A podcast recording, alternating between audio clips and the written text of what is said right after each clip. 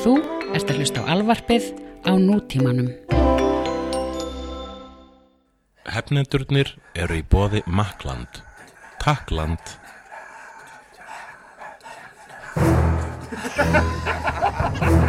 Hörðu,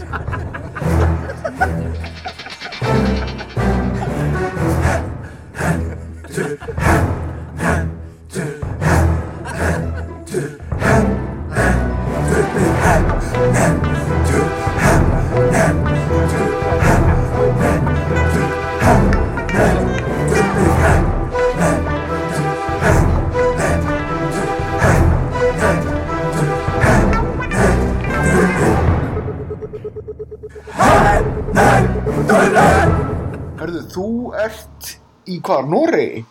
Í Noregi er ég sæll Hvað? þar ég er. Hvað ert að gera í Noregi? Ég er á myndasögur á stefnunni Raptus í Bergen. Er búinn að Ok. vera hér núna síðan á föstu daginn og í dag er sunnudagur. Já, Ég er búinn að skemmta mér hér með norskum myndasöguhöfundum, þeim e, sumum hinnum sömu og ég hitti síðast þegar ég fór til Bergen sem var fyrir e, svona hálfu ári síðan. já, það er ekki það langt síðan og þú fórst, Eiginlega bara minna en hálft ár. Já, hvað, okkur, okkur er svona oft myndasögu hátíð þarna? Já, það var nú ekki myndasögu hátíð í fyrraskipti sem ég fór. Í fyrraskipti sem ég fór, fór ég uh, skal ég þér segja Mm. uh, í uh, á, uh, á svona hérna, Free Comic Book Day viðburð. En þetta sem er núna í gangi nú töluvert stærra. Já, ok. Uh, hér eru hinir og þessir myndasögu höfundar sem að ég er búinn að kynnast. Ég er búinn að sem sé hérna uh, gera svona, hvað segir maður, connections.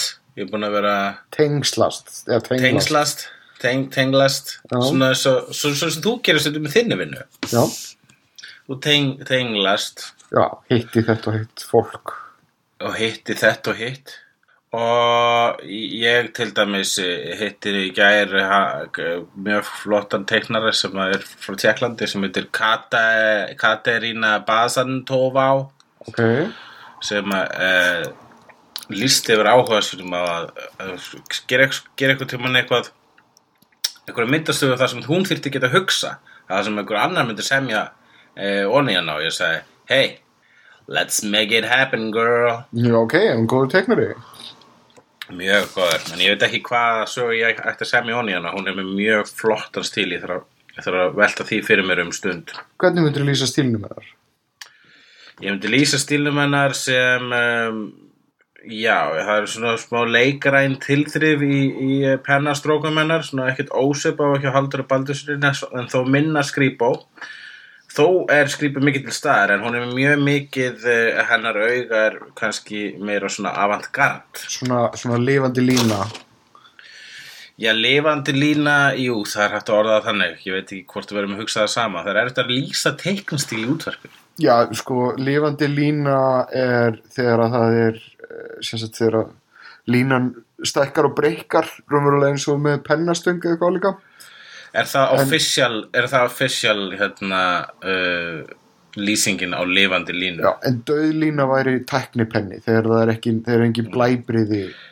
Já, þetta er mjög lifandi línur.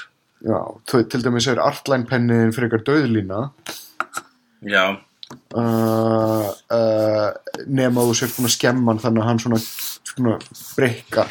Já, hún er alltaf svona professional teiknari eins og flesti teiknari sem ég þekki sem, og, og, og, þá er alveg, ólíkt mér vegna að ég get ekki sagt að ég sé professional teiknari.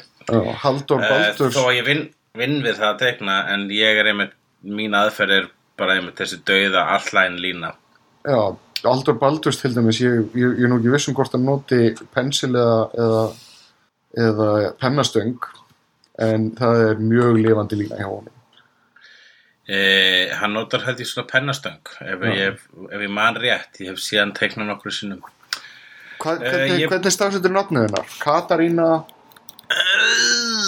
Eh, hérna Katerína Bazantova Basantova. með setu og, og hérna ái í endan Bazantova Já, ég er að, er Eh, ég er að googla hana hérna sko. Hún er með ókslega flottan stíl. Yeah boy. Hún er Og, alveg, eh, bara svona alvöru sko. Já. Svo hérna uh, kynntist ég norsku myndasöguhöfundi sem myndir Øystein Runde Já. sem er rosalega töff töffæli þetta er svolítið svona þetta er svolítið svona bara furry stemning hérna í gangi. Fullt af einhverju, jakkafattaklættum hundum og kissum í Já, korsilettum?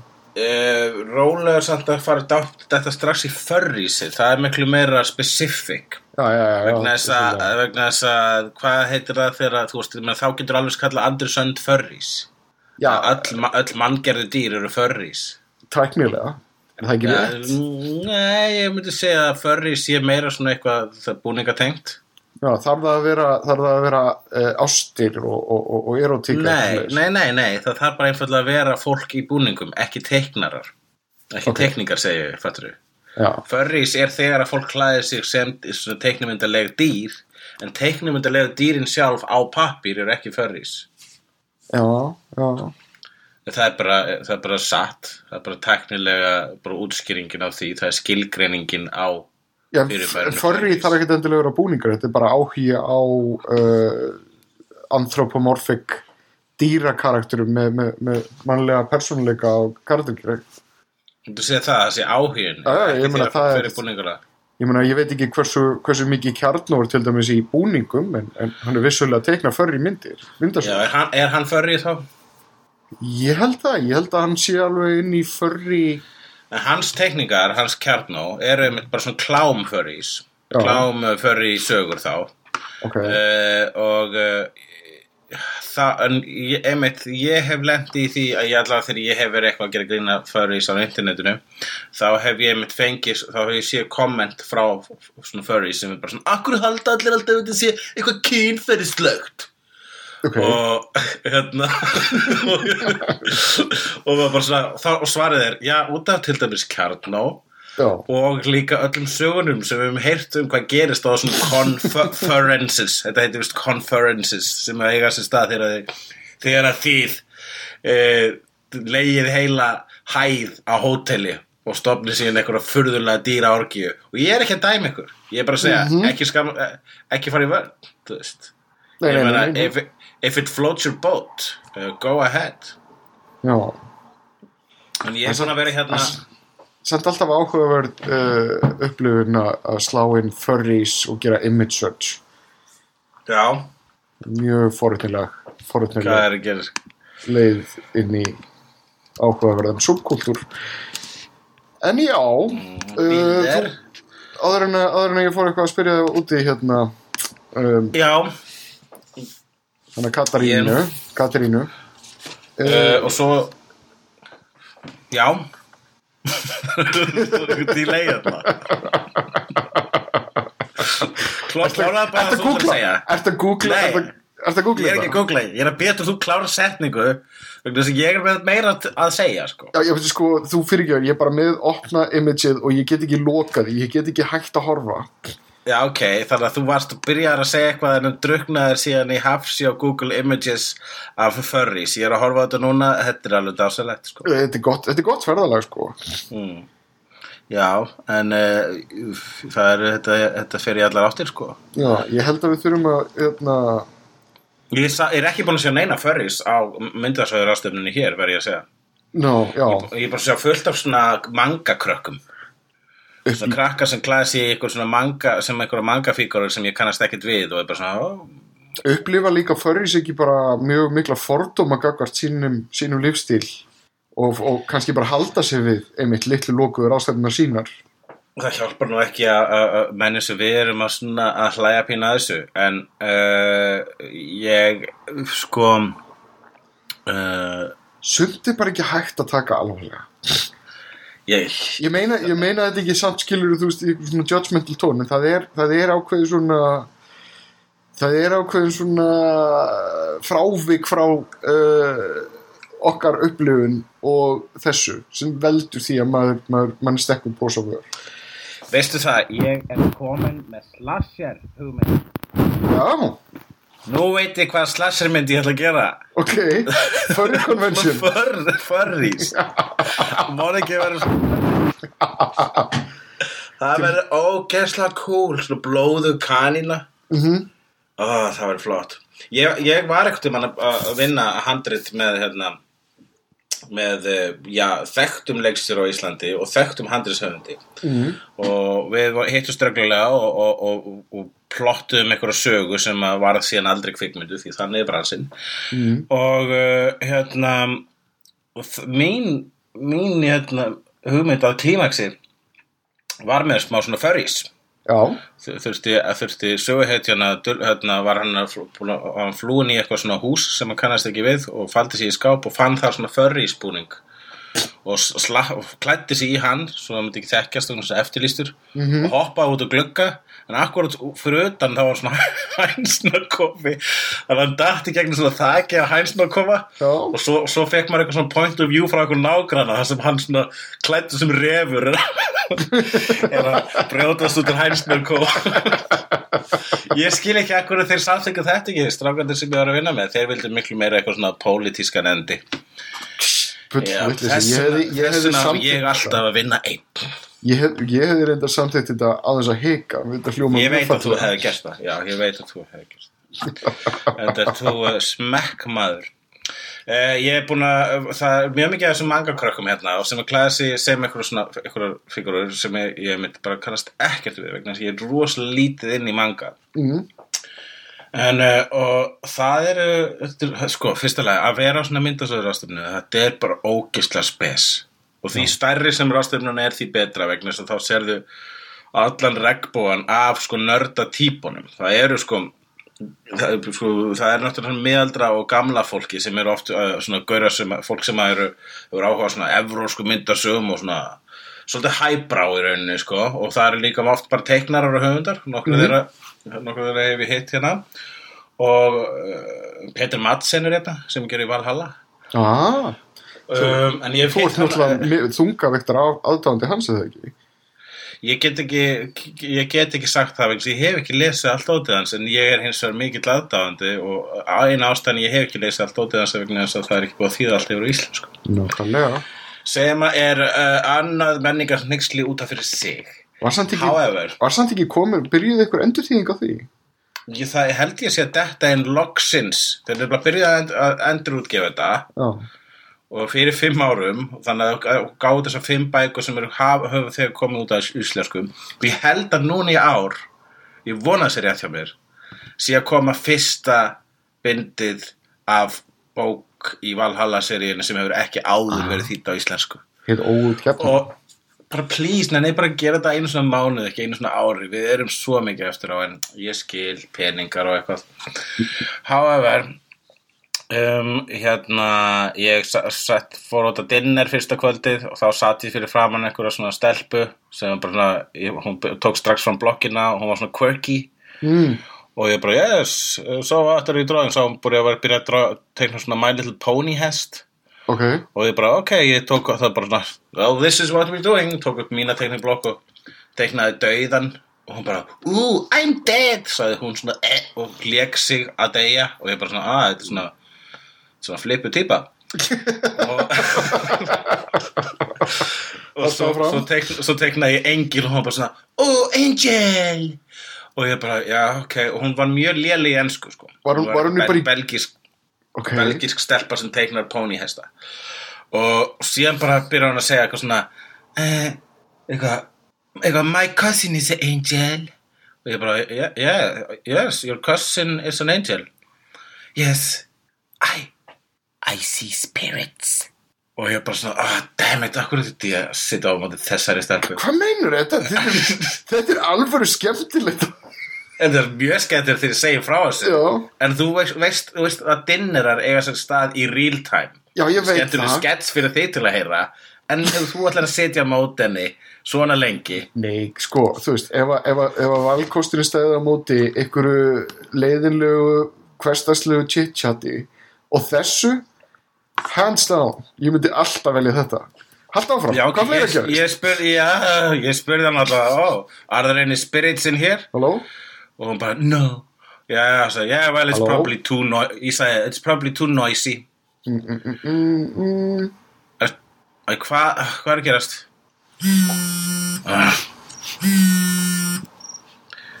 Uh, halló, Ævar. Hæ, Þú hæ. dast, þú, þú dast út. Já, ok, sorry, sorry. Erum við ennþá, eh, við erum ennþá FaceTime. Já, já, við erum með það fyrst enn. Ok, ég, ég allavega spurði hana hvort það væru hérna uh, spirits hérna inn á veitingastanum. Já, Og hún bara, no. Og ég bara, eh, it's probably too noisy. Og hún bara sagði ekkert við því. Og uh, og síðan sko, já, hef ég síðan í gegnum að- komið auga á hana en ég er svona uh, forðast confrontation vegna þess að sko, já, ég sé þetta, þetta var ekkert skemmtileg stelpa. Nei, nei, þetta er allan áhugavert. Þetta var svolítið eins og tala við, þú veist, einhverfan álf eða eitthvað. Ok, Og hérna, en það var miklu skemmtilegri, sko, ég var bara ekki með nú opið mitt svona, mitt svona hjarta var ekki nú opið þá stundina. Ég bondaði miklu meira við Danan sem satt við hlýna á mér sem var eitthvað svona cynical, eh, abstrakt eh, comic artisti no. og hérna og, uh, og það, við gáttum talað um svona hérna, hluti eins og uh, þú veist Ég, þú, þetta, þú fló, flótt, flóttamanna tekningar og eitthvað sliðis ok, ég fatta núna ég fatta núna hvernig þér finnst uh, Pixie uh, Magic Pixie Dream Girl vera miklu meiri aðteklisverði heldur en betri danin.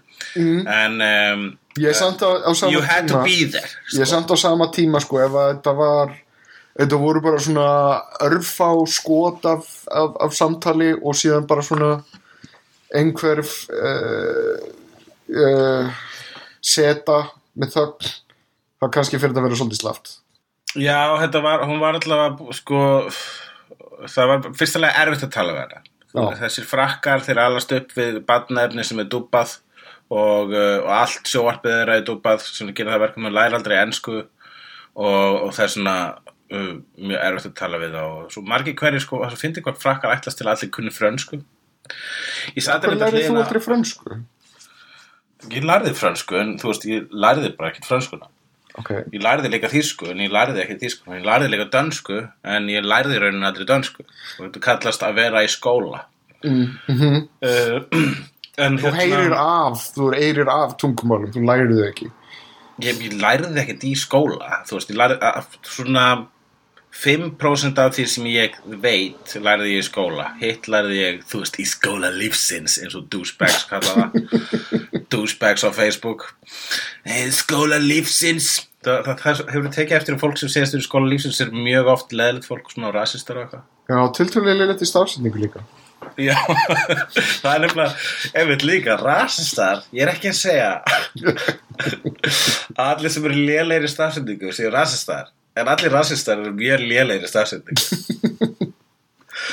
um, hérna, já, en annars þá, fyrir utan þetta, þannig dinner og síðan annað dinner í gær, þá er ég alveg búin að vera nærast á uh, skoskum veitingastað sem ég fann hérna mm sem heitir McDonald's og ég held að sé nefndur í höfuð á McDonald's ættinni sem að hefur væntulega verið eitthvað svona eins og með Cloud ættinni í Highlander Er þetta svona vinalegur upscale McDonalds eða er Þetta þetta er mjög þetta er, fí- þetta er, svo, þetta er svona já, það er mjög hröð þjónusta þarna og þú Já. ræður bara strax hvort þú tekur þetta með eða ekki og þetta er svona hérna, svolítið þægilegt að panta þarna þess að maturinn er á myndum Ok, og maður sér, sér hvernig hann lítur út eða allavega hvernig hann á að lítur út hann lítur nú ekki alltaf svona ekki jafn svona himneskur og hann er á myndunum en viðunandi matur verði nú að segja. Ég prófaði síðan að tjekka reyndar í dag á einu samkeppnisæðila sem heitir Burger King. Er þetta norsk, uh, ég, norskjaði ég held ég heldur þísk ég held að síðan nefndi þetta Burger uh, ættinni sem að var í Prúslandi á sínu tíma. Þannig að ég gerði ráð fyrir þetta hefur örugglega- heitir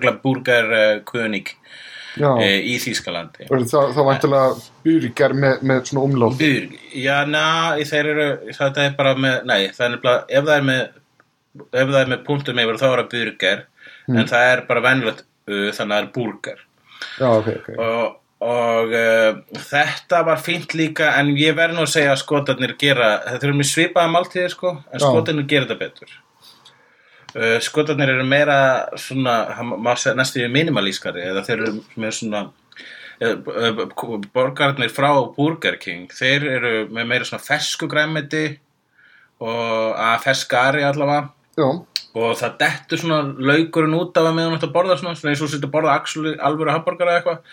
En, eh, en, hérna, en skotarnir eru búin að gera þetta svona einhvern veginn meira kompakt. Uh, no, já, kompakt og notendavætna þeir, þeir, eru meira svona iPhone borgarans Það villir endur svo skemmtilega til að ég var í Stokkólmi núna fyrir ykkur tvö viku síðan. Já, og smakkaði mitt, þetta lítur að vera eitthvað keðja eða eitthvað vegna þess að að ég fór einmitt þetta er á McDonalds. ég, held að þetta hljóta að halda uppi bara skoska efnahag Já, en ég fór á svo listað og hérna Mm. e, akkurat um leið og ég kem að mjög, mjög spenntur að líta matseðlin þá var ég e, já, mér langar að segja innflytjandalegur maður. Já, endilega segðu það, það hljómar aldrei það hljómar ekkert rátt við það. Nei, ég, meina, ég, ég segi það vegna þess að, að, að, að uh, það var mjög, mjög reyður svíi sem var með ykkur meininga kakvart þessum innflytjandulega manni. Já, uh, og var, var, var, var greinilega eitthvað að, að, að svona, já, auðsa úr skálum reyði sinnar hann hefur kannski verið já, hann hefur kannski verið ekki, þú veist kannski hefur hann verið eitthvað svona ekki fundist þessi innflytjandi ætti að flytja inn það sem hann var að flytja inn, veistu hvað hann var að flytja inn? Nei, ég veit það ekki, en ég, ég held að hann, langaði bara til þess að fá sér hambúrgar eða eitthvað. Kannski en- var hann að flytja, flytja inn hambúrgara Já, en þessi reyði svíi hann var búðarlega mikið leiðindi og síðan kom einhver annar svíi uh, og hann svona svona, s- m- m- svona skaut sér einhvern veginn á milli þeirra með hendurnar á lofti og var svona hei, du, du, og hann svona leik svolítið svona, var svolítið eins og svona ljósmyndari að reyna að fá batt til þess að leika sér að, uh, til þess að brosa. Já, já, já, þessi, þessi vondisvín, hann hefur verið svona, að jævla hvít Já. og svo hefur, hefur góðu síðan komið svo, "Ó, snälla, snälla, förlåt Þetta er- hljóma bara mjög líkt því sem ég heyrði sko.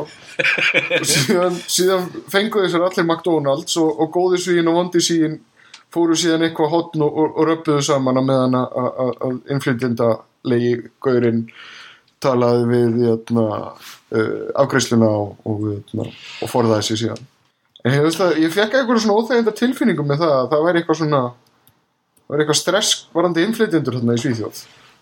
Á McDonalds.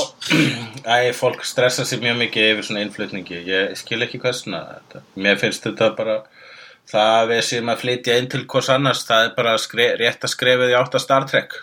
Mhm. og, og þetta er bara að halda þessu áfram hætti þessu helvitis kjafta og, og ef einhver að hérna, ég, sko, ég ætla bara núna að segja eitt. Fokk íslensk menning.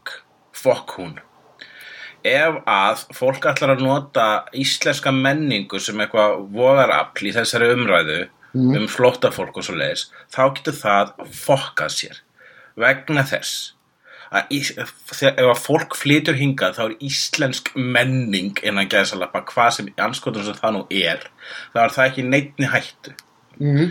Það er alltaf, það- þetta er svo ógeðslega eitthvað svona svo fyndi það sér fólk sem er fullorðnari maður sjálfur, sem hefur lifað lengur á þessari plánutu maður sjálfur og er actually eitthvað svona, ó nei en ef það kemur brúnt fólk í landið þá mun vísnabókin hverfa eða eitthvað áleika Já. hvað er það að tala um? Ég veit það ekki, en Og ef að það er að segja að sko að börn eða deyja, drukna ykkur að hafi ykkur starf á hinum einum hnettinum mm, ef að það er að drukna í, í, í sjónum uh, svo að uh, menningin okkar varðveitist þá einfallega bara fokk íslensk menning. Það er enda veit svo skemmtilega til að, að á undanförnum vikum hef ég hitt uh, tvær manneskjur, fyrir nei bara nú, síðustu viku hitt tvær manneskjur sem að hafa verið að skoða miðaldabókmentir sem sagt, íslenska miðaldabókmentir uh, og verið að læra það. Uh, annar reyndar er að læra Íslendingasögurnar og fræðast um það og hinn manneskjan er bara almennt svona uh, miðaldabókmentir og uh, önnur er frá Hollandi og hinn er frá uh, Ísrael. Já, og ég, ég hef samt ekki hitt einn Íslending sem er að læra þetta í, allavega ekki síðasta mánuðin nei. Þannig að innflytjandurnir, þeir eru að læra þetta, það er það sem þú ert að segja. Já, er þetta, er þetta, er þetta skiptinumar í námi hér en, en, en Já, innflytjandur, já, þetta eru innflytjandur. þú já þeir, þeir inn í búa hérna, þeir búa hérna og starfa Þannig að það má segja að raunir þá er, ég að byrja líkur á því að okkar svokallega íslenska menningu varveitist. Já. fáum bara fleira fólkinga til þess að varveita hana. það væri bara held ég alveg ákjósanlegt Ég held það líka. Við erum hefnendur. Segi ég 24 mínútur inn í þáttinn. við erum alltaf að lengja og lengja introin Já, introin eru stundu skemmtilegast. Hvað finnst ykkur skemmtilegast jarðarbúar? Introið, hvað er að gerast, á hvað ert að glápa, á hvað ert að lesa, málefni dagsins, auðlýsingar, eða í dánarfengnir njálafærir, eða með okkur augum. svona núna. við getum gert svona hérna, quiz eða eitthvað eða svona, svona, Kvispam búm. já, svona svaralista á, á hérna, nei á hérna, Facebook síðu hefnenda facebook.com skástrík Jöp. hefnendurnir Mhm. búm búm búm en hérna, já, hvað er að gerast Hvað er að gerast? Hvað er að gerast? Francis Lawrence uh, þessi leikstjóri þarna sem að gerði já, hvað þekktastu núna fyrir Hunger Games Já, uh, ég bara hef, hef ekki spáð í þeim aðila. hann Er hann, hefur hann leikst í öllu Hunger Games eða? uh, nei, hann, hann kom inn sem sagt á sem sagt held ég númer 2 hann kom á Catching Fire og er með Mockingjay 1 og 2 Ok, já, það er bara, það eru betri, þú veist, mér finnst myndirnar, mér finnst Catching Fire alveg geðveik, sko. já, En mér finnst sko bara, uh, þar hafa batnað, sko, eftir þeim sem þeim fjölgar þessum myndum. Það eru þrjár núna, eða ekki? jú og hann Eh. sagt, hann hérna sko hann var uh, tónlistavídeóleikstjóri og hefur leikst í tónlistavídeóum fyrir Jennifer Lopez Green Day, Britney og hérna Jan Jackson Já. og síðan gerði hann hérna Konstantín Það var flott mynd. mm? Leik, leikst hann Konstantín? Já. og líka I Am Legend Já, það var ekki góð mynd. Nei. og svo uh, þessi en- leikstjóri En sem sagt Konstantín, sko, eins og við höfum oft talað um og hefur verið recurring umræðefni, þá er það eh, rosa flott mynd þrátt fyrir að þeir gerðu uh, Konstantín ramt eins og allir Mhm. hafa gert sem hafa reynd að kvikmynda þann elskulega mann. En samt, samt það er eitthvað rétt við hana líka. Það er nefnilega lukkið svo frábært. Það eina sem að ég fíla ekki við Konstantín sko útlýslega bíómyndina mm. er uh, það sama og ég hataði við I Am Legend. Og það er CGI skrýmsli já, og það voru ykkur svona dímónar með hálfa hausa. Það var svona sagaði með efri hlutana hausun virtist vera sko sem að voru hérna á fullu í Konstantín. Og það er bara ekkert skeri við CGI dímona mm. allavega, jú kannski er núna þegar uh, tæknin er orðin fullkomnari en í þá daga þá sökkaði þetta uh, feitan drjóla. Já.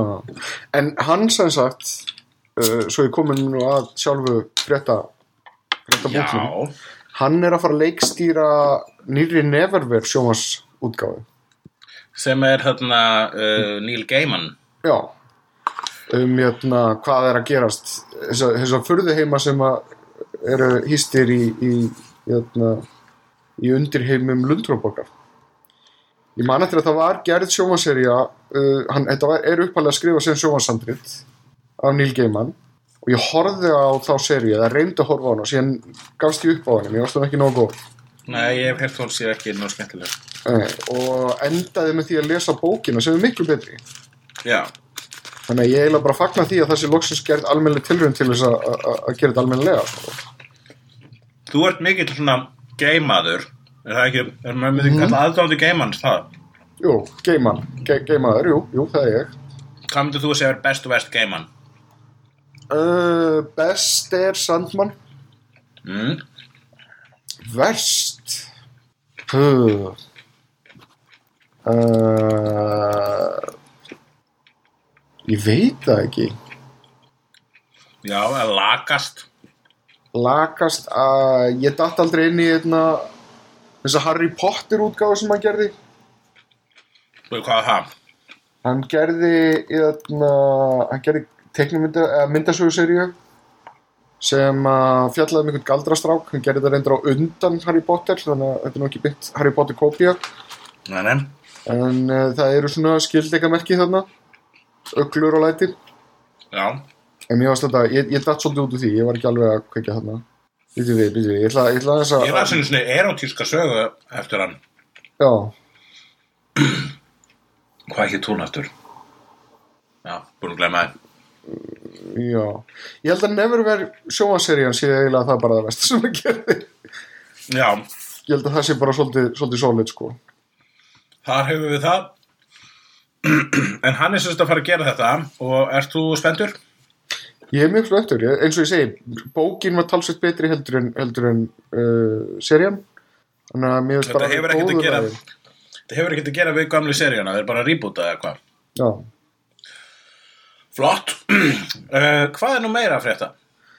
uh, In the Line of Fire er að verða sjóasería líka Hvað, hérna, ístútmyndin? Eastwood myndin þar sem hann leikur uh, lífverð fórsetans í, í svona, já, svona gegnum ganga, svona eiginlega, svo mynd fjallar um það að hann er gamall líka, eins og síðustu hm, Já. 30 myndir Clint Eastwood.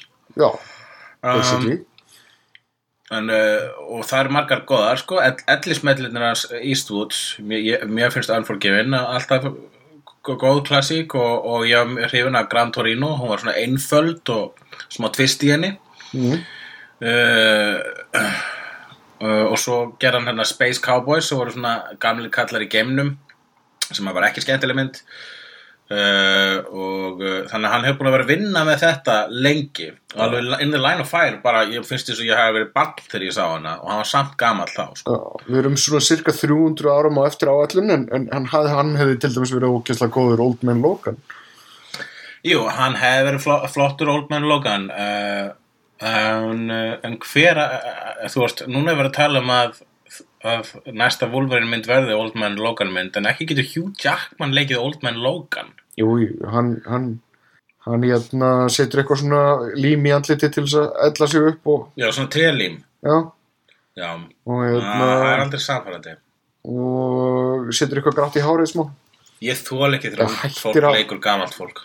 Hættir að hérna líta það Er það að þegar ungt fólk leikur gamalt fólk er það ekki pínu svona eins og blackface?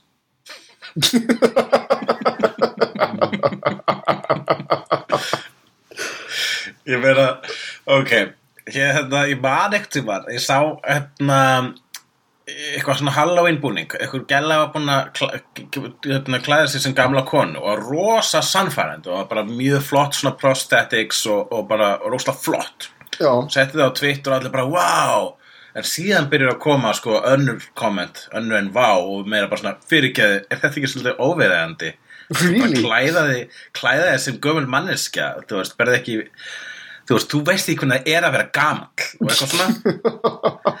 Þannig að það sko er svona, er svona ákveðið, þetta er svona ageism á sama hátt að vera með blackface er racism.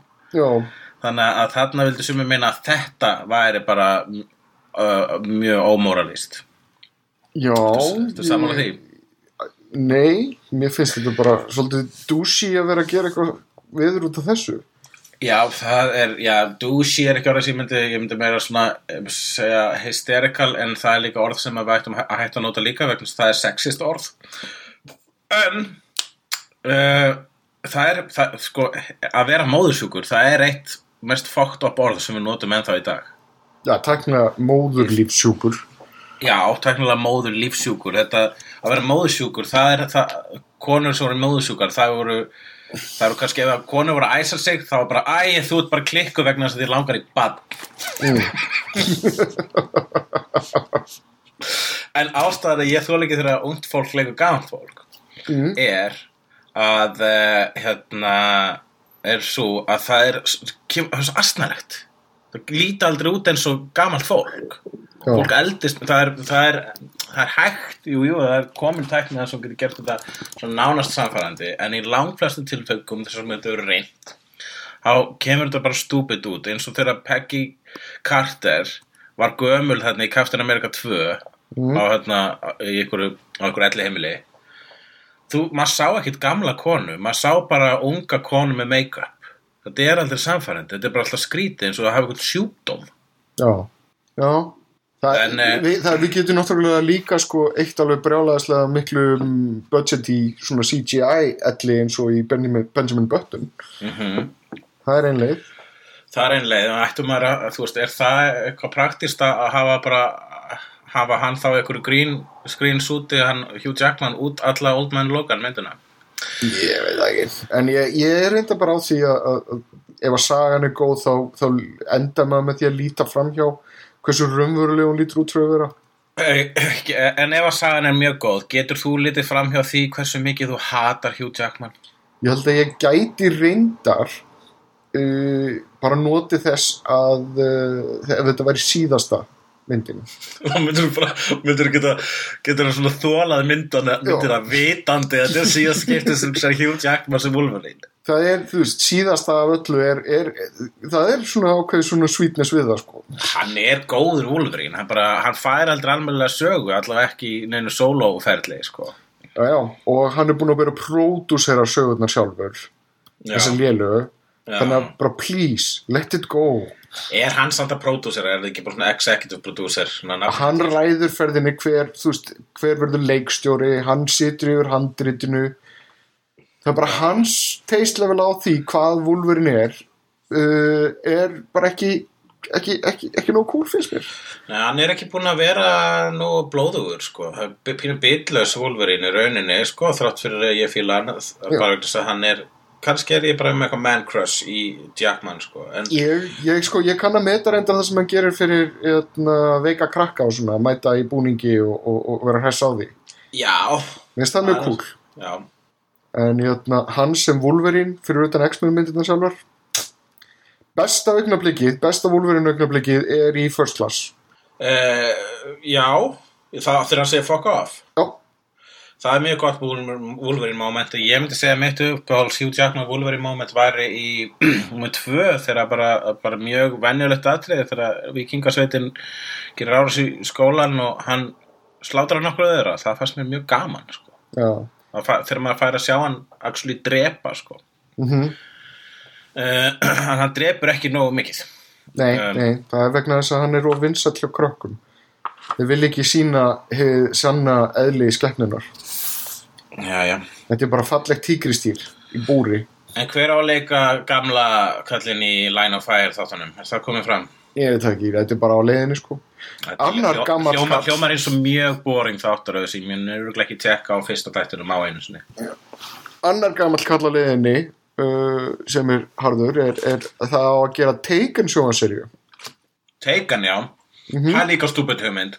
Það er franchise sem ég átti aldrei vona að yrði franchise by the way. Hversu oft lendir fjölskyldarnas í vesenni? mm, það er nú ekki alltaf jú, jú, það er svo sem alltaf fjölskyldunas en hversu oft, þú veist, lendir John McClane í vandræðum um jólin þú veist, hann ætti bara að fara af plánundinu þegar það eru jól. Já, um, við getum svona sko raunsæðið er ekkit vandamálið. Og er auðvitað, þú veist ég er ekkit hissa á að það var að fransæsi vegna þess að hann var awesome actionhetja og fættist nýgerð af actionhetju sem er gráfa fyrings actionhetjan. Mm, en, og hann er konungur þeirra stefnu, hann hérna hann Liam Neeson. En hér er mitt líkil orðið sagt upphátt hvað uh, galla þess að gera sjórsýri og teikan engin Liam Neeson. engin Liam Neeson. Ah, slæm hugmynd. Ha, hver, þú veist, þetta er nákvæmlega sama með þessa nýja transporter mynd. Ég heldur endur að þetta sé... hver vil sjá transporter án Jason Statham þú veist? Nei, Jason ég... Statham er transporter. Þú vilt ekki sjá bara eitthvað no-name allir innu Mm saman með Taken, þú vilt ekki sjá Taken ef það er ekki Liam Neeson. Þú ert ekki, hef- að fara, þú ert ekki að borgað inn á uh, Taken franchise, þú ert að borgað inn á Liam Neeson. Ég heldur endur að þetta sé svona forsaga Liam Neeson karaktersins. Þetta sé að fara þá áttina. Já, já, Eða það er allan að sem að Luke Besson hefur eitthvað verið að gefa skinn. mjög spennandi Uh, reboot af Tomb Raider á leiðinni. já, bíó, bíómynd sem sagt Já, Sure Það er Eh. fínt, það er flott vegna þess að hún var hérna Var hann ekki orðin pínu kúl þarna í síðustu tölvuleikjum? Hún er, það er búið að að minka brjóstin á henni og, og, og gera henni aðeins ekki, farðara. ekki, já, einmitt. Ekki gera, gera tippin gera hana aðeins harðari og tippin aðeins mýgri Já, sem er en, horfa á hana. en hérna uh, það sem er mjög áhugavert í það reyndar er, eru sem sagt myndirnar sem eru eða sem sagt leikstjórnir sem eru, eru uh, hérna, nefndir í samhengi við þetta. Og leikstjórnir eru eftirfarandi uh, Catherine Bigelow mm Catherine Hardwick hver er það áttur? uh, Catherine Hardwick gerði hérna oh, fuck, akkur er alveg tóttum ég held hún hafi gert Twilight nýju já, ok. Uh, og hefur gert hún gerði 13 minni mig. Ha. 13, já, 13, bíómyndina. Já, það sem Kristen Stewart kom tvist fram. Lords of Dogtown. Kristinn Stewart, hún var ekki 13 jú, nei, var, þú, þú ert að hugsa um hann kærastunars uh, kærastunars uh, sem var hann kærastunars Mæli Mansson uh, Evan Rachel Wood. Já, shit, já ok. Ég held ég alveg að tala að Kristen Stewart hefði verið 13 Kristinn Stewart var í Panic Room. Hmm. Hún var Stewart var í Panic Room þegar hann var lítil. Já, hún var í samt einhverju sem að hérna, Catherine Hardwick leikstýrði og Catherine Hardwick var svo hrifin að henni að hún færði hana yfir í, í, í, í Twilight. Ertu ekki með eimt?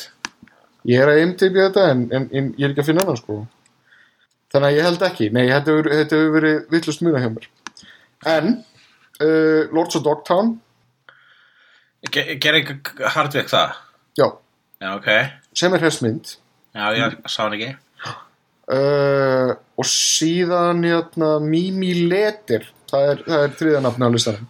Alla, það hér er minnstur komið í ljós Það er sem sagt verið að uh, tjekka á Þau vilja bara hvern leikstjóra fyrir Tomb Raider bíómyndina Mhm. Ok, það er bara flott En hérna, Mimi Leder, hún leikstýri miklu af ER og fór síðan að gera kvikmyndirnar Peacemaker og uh, Deep Impact Svo Já. ég síni hvað ég er ógisla klár og síðan hefur reyndar líka verið að leikstýra þáttum að Shameless sem er uh, eitt af betri stöffinu í sjónvarp í dag Já, ég, vil, ég, verð, ég verð að taka fram að ég, þessi Mimi Leder þekking mín var án þess að ymta Ég er einhver hlutur Í vegna Já, hvernig fórst það þessu? ég bara einhver hlutur vegna veit ég slá mikið um Mimi Leder Þess, sko, notaði líka mjög mikið IR leikara í bíómyndunum sínum. Sko, notaði Josh Clooney, það var eiginlega eina af hans fyrstu stóru myndum Í Peacemaker. Mm -hmm. Uh, uh, Mér finnst þetta- mér finnst you þetta are going to die if you do not tell me where the bomb is sagði hann. Um, og uh, og Deep Impact þar var hérna haldi, haldi yfirlæknirinn hún var hérna stórt hlutverk í Deep Impact. Já, um, já. Ok. Mér finnst þetta frekar óvænt. En ég er ánægði með það mitt að þeir séu að reyna að finna hvern leikstýra á þetta og... Já, ég bara, sko, ég var alltaf með eitthvað vangaveltu um, sko, uh, Armageddon versus Deep Impact. mm. Hversu mikið testosterón mynd Armageddon er á meðan Deep Impact er í rauninu, mm, uh, for a lack of a better word, er mun kvenlegri mynd. Mm. Uh, enda legstir á konu og, og, og miklu fleiri kvenkarakter og svo myndi miklu raunsæri og er miklu meira um tilfinningar fólksins sem að veit að heimurinn er kannski að fara að enda en Armageddon er alltaf tíman bara held ég eitthvað, þetta er hljómað meira svo sántrækki úr The Rock, but who cares og svona sko Armageddon er svona bara einhver bóner og meðan Deep Impact er meira bara svona, hvað getur maður sagt það er mýgri mynd En, en hún er miklu betri ef við ætlum að fara út í það en ég myndi samt horfa fyrir ykkur Armageddon núna ef ég geti valið á milli þeirra að tvekja um, já. En hérna fleira frétta? Uh, Judd Apatow er að framleiða hérna, uh, nýja seríu með Pete Holmes. Já það líst mér vel á. Uh, vinnutitillin Crashing og Pete fjallar ha, ég er mikill Pete Holmes aðdáðandi sama hér. Hann er með svo fyndið uppistandið hans er svolítið eins og sjálfsjálfabók. Já og það heldur áfram verður þú sjálfur ég held að það haldi áfram í þessari seríu vegna þess að hún á að fjalla um mjög svo áhugaverðan skilnað Pete Holmes já, já hann er, getur ekki hægt að tala um hann helviti skilnað Ég held samt að það sé nú alveg, alveg slattað efni þannig eftir í þessu. Vafa löst, ég meina, hann, hann, hann, það líður ekki einn Pete Holmes þáttur í, í podcastuna hans að hann minnist á það hvernig var að skilja. Ég heldur bara að hafði mikil áhrif á hann. Já. Hversna er fólk bara að giftast þannig borð, am I right, am I right, am I right? En Ég ég, er með- hérna, já, Ég, hann, ég, ég ertu er með með eitthvað? saminskupið, Já, já, vegna þess að ég var að tala um í Deep Impact og Armageddon. já, Uh, mér finnst þess að ég hafi farið okkur svona astnalega slóðir og ég vil læra sem mannver, manneskjá, ég er leitandi mannvera. Mm, en að kalla eitthvað kvenlegt og síðan í samhenginu að segja eitthvað sér svona mígra er það ekki pínu sexist eða eitthvað? jó, það má alveg, Er alveg ég ekki svolítið að segja að konur vilji bara eitthvað skreita kotta og kallar vilja byssur? já, Já. Ó, djöðlega maður heila þeim eins og helvítursfæður á þetta. Já uh, ég veit allan að uh, hún, hérna, Lexi Alexander myndi hafa eitthvað út á þetta að setja Hver er það bara eins og Warzone leiksturinn Já, Pennis Watson var pínu awesome mynd. Hún svona, hún er ill skásta Pennis bíómyndin.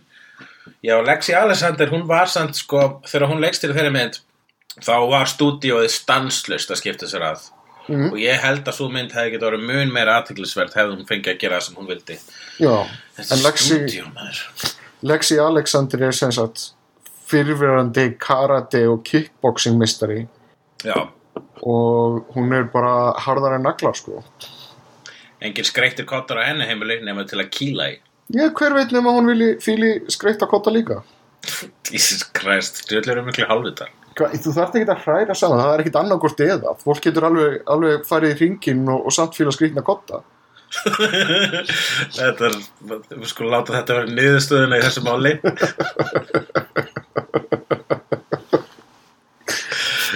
Eh, Hvað varst að segja aður en að, já, já, já, Pete, Já, Pete Holmes. ok. Já, það hljóma mjög vel, ég held að ég hef einhver við það að bæta. Já, en ég meina það getur þú kannski sagt eitthvað frá þessum skilnaðas Pete Holmes Já, hún, konan hans Pete Holmes, hún uh, fílaði, var, var ekkit alveg að skilja hans lífstíl sem að var uh, lífstílinn grín. og, og, og var eiginlega, að hún hafa verið raun bara að býða eftir að hann hætti þessu, sko. Hvað, hvað ertu ekki að vera búin að leika þér, sko? Ekki að fara að lifa alvöru lífi núna?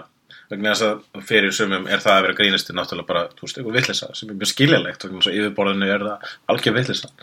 Já, En uh, svo hjælt hún fram í honum með uh, st- uh, lágvöxnum ítölskum manni mm? og yfirgaf hann og uh, hann uh, misti þá uh, held ég tímaböldu trúna sína á ástina og á Guð líka. Hann var mjög kristinn maður á sínum Já hann, er, hann ekki, ekki mormon eða eitthvað? Svona, ekki mormóni en, en hann gerir mjög mikið grína því hvað fólk gerir ráð fyrir hans í mormóni vegna þess að hann lítur út þessu mormóni já, hann er, hann er reyndar mjög mormonalegur, já.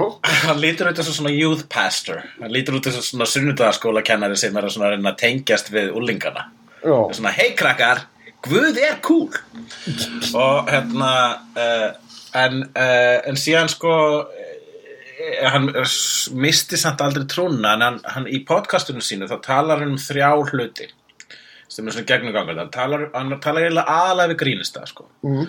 og hann talar alltaf um það að, grín og hvað er grín og svo talar Já. hann um hérna ástina og sambönd og svo talar hann um Guð og þetta eru þau þrjú megin umræðefni sem eru, eru hverju meinasta Pete Holmes þætti þar sem að tekur við, við hinn á þessa grínasta. Og það er alltaf gaman vegna þess að til dæmis um, uh, uh, uh, til að talaði Anthony Jeselnik sem er mjög dark uh, og dark hérna grínisti og kemst upp með hluti sem að fáir komast upp með, þar með alveg og, uh, og Sákur trúði náttúrulega var bara nei, það er ekki guð.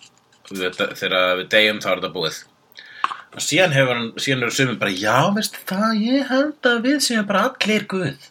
Og þetta, hérna, og þessi, þessi podcast hans þau, hérna You made it weird. You made it weird, heitir podcast hans og vegna þess að það snert alltaf á þessu sömu spurningum aftur og aftur þá fær maður allar gerðir af svörum og líka fær að sjá að, að, eins, að grínistar eru jafn ólíkir og þeir eru margir. Og þetta er mjög þetta er sko Það er alveg áhugaverð fundamental spurning, sko Já, þetta er uh, hans sko það er sko fólk vil stundum meina að þetta sé ágættis eða vilt fá eitthvað svipað og uh, What the fuck með Mark Maron Mm. þá ættir að tjekka á You Made It Weird og sumir hafa kallað You Made It Weird What the Heck vegna þess að þú veist svona, það er svona Mark Maron sem er ekki, sem er ekki jafn bitur. What the heck?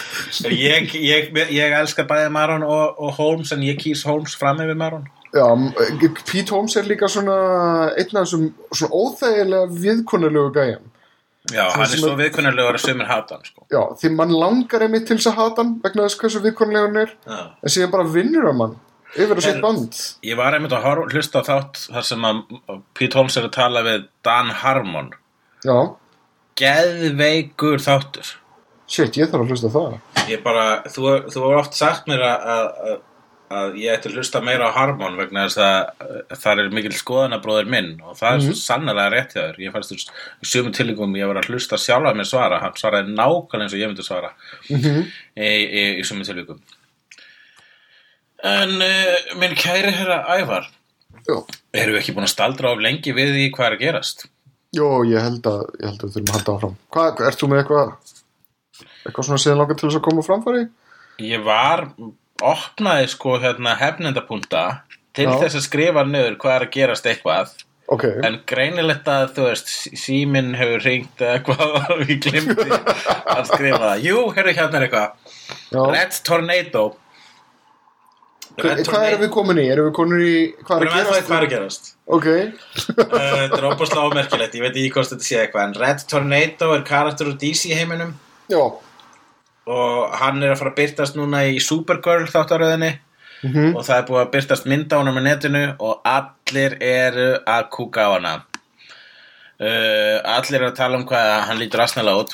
Og, og margir eru að tala um hvað hann er svona cheap rip-off af uh, Vision úr Já. uh, Avengers en ég held að Vision hafi upprunnilega verið rip-off af Red Tornado þegar var í blöðunum sko. ok. Er hann báðir líka svona- með, er hann báðir líka svona með svona, svona artificial menn báður skils mér og báður með rauða hausa já, uh, hann kemur út fyrst 1968 í Justice League, já, samkvæmt Wikipedia. mm. Já, hvenær kemur Vision út? Uh, The Vision. Marvel Comics Superhero debut, debut uh, hann kom fyrstur í henni Kree Skrull War sem var alveg miklu setna heldur en 68 það var eitthvað það var svona 70 og eitthvað 77 sko, fyrsta útgáfan að hann kemur 1940 en þessi útgáfa sem við þekkjum í dag kemur út í oktober 1968 Nú, tveimur no mánuðum eftir Red Tornado Interesting Herri, úr hvað bíómynd er þetta hérna?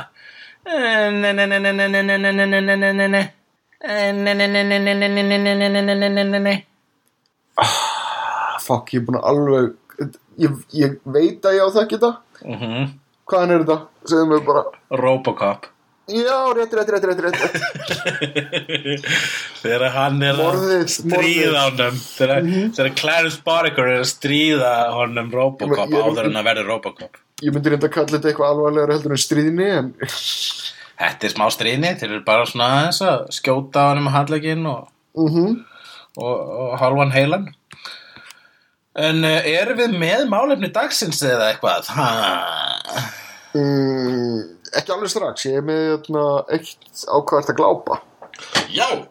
Á hvað ertu að glápa? Uh, ég var uh, í gær uh, einn heima á lögataskvöldi og uh, var að reyna að finna mér eitthvað að horfa á What else is new? og hérna, ég rambaði á mynd sem heitir Cooties á, uh, á iTunes Zombie Bud með Elijah Wood já, Ég er búin að býða eftir þeirri mynd, uh, rólegur. Já, hún var bara helviti skemmtileg. Ég skal þú sannlega trúa því. Já, hún hefði alveg mátt, þú veist, það er alveg, það er alveg sóknarfæri að gera hana betri með hæri budget og svona og hún er svolítið hæga stað en þegar hún fer að stað, það er bara eitthvað mjög svona ánægilegt við það að sjá hljáða kennara ráðast eða forðast hérna, flesh eating krakka Já. sem er rífað á í sundur Eh, og ég vissum að þessi mynd gerur mjög mikið fyrir suma kennara. Já. Hún, hún er með í hérna, Elijah Wood og Rain Wilson og Alison Pill í aðalutrykum Já. og reyndar líka inn í hérna, Nassim Pedrat úr, úr, hérna, úr SNL. já, og Jorge Garcia hann hérna, Hurley úr Lost er hérna líka í smá hluturki Já. Um, ég, þetta er svo góð grín hryllingsmynd. já, já, mjög hressandi Það er skemmtilegt form, grín hryllingsmyndir. mhm Uh, svona mest successful uh, sí, síðustu ára myndum við náttúrulega vera Shaun of the Dead. mhm En ég var að horfa aftur á eina að ég alveg þriða skipta eina mínum uppáhaldsgrínsillismyndum um daginn sem heitir Slither og er eftir James Gunn. já, það er svo frábæð mynd Hún er svo æðisleg. Hún er, Er svo fyndin. Og af hverju er Nathan Fillion ekki superstjarnar? Ég skil það ekki ennþá. Uh, það, er, það er hann er maður sem bara lítur út eins og hetja. Akkur, hann þarf að fá Marvel hetju, hann verður að leika eitthvað, hann leikur vist eitthvað staðar, en er eitthvað cameo eða bara svona í bakgrunni þannig að eitthvað staðar í, í uh, skal ég þeir segja, skal ég þeir segja Guardians of the Galaxy. Og svo þegar ég fer að spá í því þá hefur hann leikið ofur hetju, ekki einu sinni heldur tvis var hann leik þarna Captain Hammer í uh, þarna Dr. Horrible's Horrible Sing-Along blog Já, þarna, en- og en hann var- líka, hann var í- líka svona í- kristileg ofurhetja í hinni myndina James Gunn sem heitir Super Já, en hann var samt þar eh, í hérna, Dr. Horrible's singalong blog hérna, þá var hann nú kannski meira overhitja í orði frekar en í borði sko. já, frekar en borðið En í hérna, douchebag ofurhetja já, eigum við kannski að taka það sem málum dagsins hryllingskomedíur bara svona Eh. aðeins að rappum þar ég við skulum gera það Málefni dagsins. Hvað er það sem, sem er ótrúlega skemmtilegt við hryllings uh, gamanmyndir? uh, sko. Hvað er fyrsta hryllingsgamanmyndir sem þú manst eftir að hafa séð? ég held í það sem ég hugsa sem fyrsta sem ég hugsaði bara, hm, þetta er hryllings gamanmynd það var uh, American Werewolf in London. Ah, eða, eða en amerikansk varulf í London eins og maður segir á norsku ég verði að játa að ég hef bara aldrei séð þá mynd. já hefur ekki séð hana Nei? Það er bara klassísk mynd það er einn af þessum góðu myndunum hans hérna John eh, Landis. Land Ég veit það, þetta er, þetta er mynd sem að, þú veist, ég hef meira séð þorst hafa séð vegna þess að ég skammast mér svo fyrir að hafa ekki, hafa ekki hérna, uh, fyllt upp í þetta gap í minni mentun. En hérna, nei, ég bara hef bara einlega ekki, ekki séð hana. Já, Mín var reyndar Evil Dead 2. já, það er mjög gott. Það er uh, hún kom alveg hvort kom undan? Evil Dead eða Evil Dead 1 eða American Werewolf? Og American Werewolf er 81 þannig að það er langt á undan. Ok. En svo eru sko myndirnar þarna hans uh, Peter Jackson, Nei, Brain heyrðu, Dead og Bad? Taste Nei, Evil Dead 1981 sama ár. Ok, þetta er uh, já, frábært. Mm uh, ég, sko, já, ef ég ætti svona sko, það er uh, það er úrslega mikið af horror comedies til í heiminum. Miklu meira en maður gerir svona í fljótu bragði Já, og þá er Bad, uh, Steve, Peter Jackson myndunar voru lengi vel í uppáldi hjá mér. Og mér finnst Brain Dead eða Dead Alive vera stórkuslegt meistarastykki þó að uh, hérna, Bad Taste þetta ruddi brautina fyrir þá mynd en það er miklu meiri peningur og miklu meira gór og bara frábærari saga í uh, Brain Dead eða Dead Alive eins og sé, er vist meira cool að kalla hana. Svo það er original titillin erum við ekki reyndar fyrst að við erum að tala um þá mynd erum við ekki búin að ákveða það að hafa uh, Braindead skástrík Dead Alive sem jötna, sem næstu hefnundabíómynd Ég sé ekki því til fyrir stöðu Ég held að, já, við skulum henda í viðbörð fyrir það. Ég held að, ég held að þetta sé alveg pottet myndin sem við viljum sína næst. Ok, En, höldum áfram. já, og svo hérna, um, sko, já, hvar var ég? Já, þú veist að tala um Brain Dead, þetta lag. Ok, já, Brain Dead og það er Evil Dead uh, og Evil Dead 2 sérstaklega sem er alveg stórkostlega fyndin uh, svo er Reanimator ógislega fyndin og það er eina af fámyndunum sem hafa verið gerðar eftir sögunni hans sögum hans uh, skalið H.P. Lovecraft. H.P. Lovecraft Tucker and Dale vs. Evil er eitthvað sem að sá nýlega það er mjög skemmtilegt og það er líka hann mynd sem heitir Severance sem að var mjög fyndin Ég var mjög, það má nefna Tremors og Arachnofobia í þessu samlingi líka. Jú, Tremors, já, myndur segja að hún sé hérna uh, Nei, Arachnofobia, myndur segja að það sé gamamynd Já, hún er ógæslega fyndin. Látt sinni sé hana Já, samt hún hefur ekki elsnitt sérstaklega vel en, en hún er fyndin frekar en, en, en, en hitt sko. Það er bara, það er, það er svo skelvileg upplifun að horfa fullt á köngulóm út um allt. já, að, hérna, að það getur verið svolítið erfitt. En ég held að þetta sé eina fáum myndum sem að Frank Marshall aðal pródusentin hans hérna, uh, Steven Spielberg hefur leikstýrt sjálfur. Já, ég skil, já, Spielberg var hérna við loðin þá mynd uh, Return of the Living Dead myndirnar voru uh, svona hálfgerðar tíma múta myndir líka. Mm -hmm. uh, það sem að, það sem að zombiðna sögðu Brains Brains. Uh, síðan, síðan hafa komið reyndir í setni tíð helviti sterkar gamanhryllismyndir uh, eins og hérna, of the Dead sem við nefndum að Cabin in the Woods. Cabin in the Woods maður fucking meistaraverk. Meistaraverk. Uh, Beetlejuice. Já, það flokkar sem horror gamanmynd Jú, það er teknilega horror svona í Já. víðasta skilningi orðsins. Og þá mátti við ætlum að fara í svona, í svona tame horror, þá er Gremlins þarna líka. mm og reynda Grem, Gremlins, það sem að fíla að Gremlins er sko hryllingsmynd fyrir börn. Já, og það er bara svo gaman þegar börn fá líka smá hrylling, sko. hún er samt eiginlega hún er rosalega skeri þegar þú ert krakki Já, speak for yourself. Ég var með stálhjarta á þessum tíma. en síðan hérna, já uh, Slither uh, sem þú stóð nefna á þann Já. og uh, Piranha 3D Piranha 3D er æði, allavega í 3D. já, Uh, ég skemmti mér konunglega á henni ég sá hana á ammælistegi mínum einu sinni þegar ég var í Amsterdam og uh, hún er, hún er mjög skemmtileg. Þegar píranafiskurinn býtur tippi af gaur og rópar því síðan aftur úr sér og tippi mm -hmm. flýtur í áttina að okkur áhörundunum með þrítiglerun síðan hérna síðan alltaf er samræmi mistarinn í forminu. Uh, hvað hétur aftur hérna nýjasta horrormyndin hans?